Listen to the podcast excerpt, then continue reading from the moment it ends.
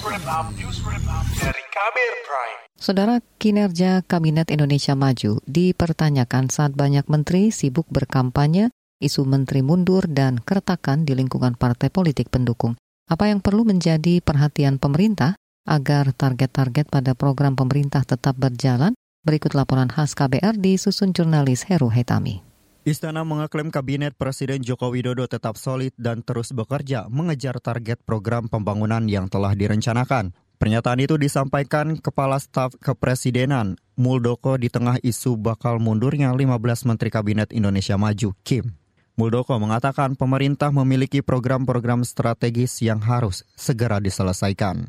Muldoko juga membantah kesibukan sejumlah menteri berkampanye membuat situasi di kabinet tidak kondusif. Kami ada di kabinet tetap sulit karena kita mengejar target-target pembangunan yang sudah ditetapkan. Itu poin.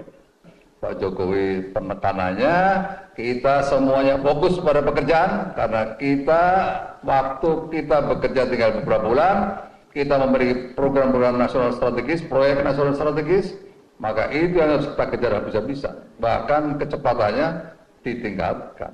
Dan ini sudah menjadi komitmen semua. Lihat semua menteri bekerja sangat-sangat baik, bekerja sangat keras. Jadi gampang aja sebagai indikasinya.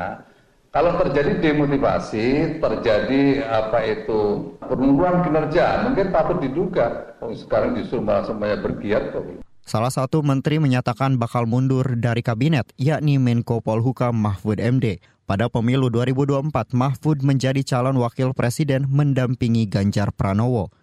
Kendati demikian, Mahfud tak menyampaikan kapan tepatnya ia akan meninggalkan kabinet. Saya merencanakan mengundurkan diri itu sebenarnya sudah lama ketika akan mulai debat pertama agar bisa lebih e, leluasa membuka data sebenarnya e, sehingga lebih etis saya membaca data-data itu kalau saya tidak di pemerintahan.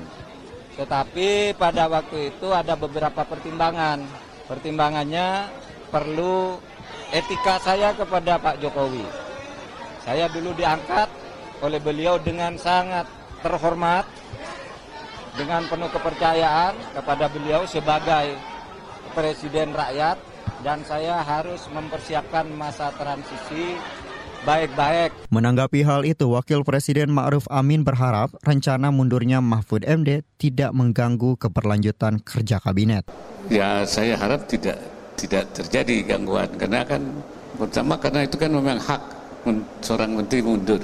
Dan tentu pasti uh, akan dijabat atau ditunduk menteri yang definitif yang tahu persis persoalan yang terkait dengan polukam karena itu saya kira tidak akan mengganggu terlalu mengganggu lah. Ya. Di lain pihak, Lembaga Riset Ekonomi dan Kebijakan Publik, Selios, khawatir banyak program pemerintah tak terselesaikan di masa-masa akhir Kabinet Jokowi. Direktur Utama Selios, Bima Yudhistira berkaca pada sejumlah menteri yang sibuk berkampanye atau menjadi peserta pemilu. Memang yang menjadi kekhawatiran terbesar ini adalah tahun terakhir dari Pak Jokowi, masih banyak proyek-proyek strategis nasional yang harus diselesaikan, Kemudian juga ada bansos yang memang sebenarnya esensinya diperlukan untuk menjaga daya beli di tengah tekanan biaya hidup, tekanan harga pangan yang masih meningkat. Tapi di sisi yang lain kekhawatirannya adalah menteri-menteri yang mengurus masalah soal teknis ini lebih cenderung sibuk untuk berkampanye. Sibuk untuk aktivitas-aktivitas yang sifatnya tidak berkaitan dengan fungsi tugas dari kementerian bahkan uh, beberapa mungkin dianggap tidak mengambil cuti ya. Bima Yudhistira meminta para menteri fokus bekerja untuk mendongkrak kinerja di sektor ekonomi di tengah tantangan ekonomi global yang saat ini masih suram.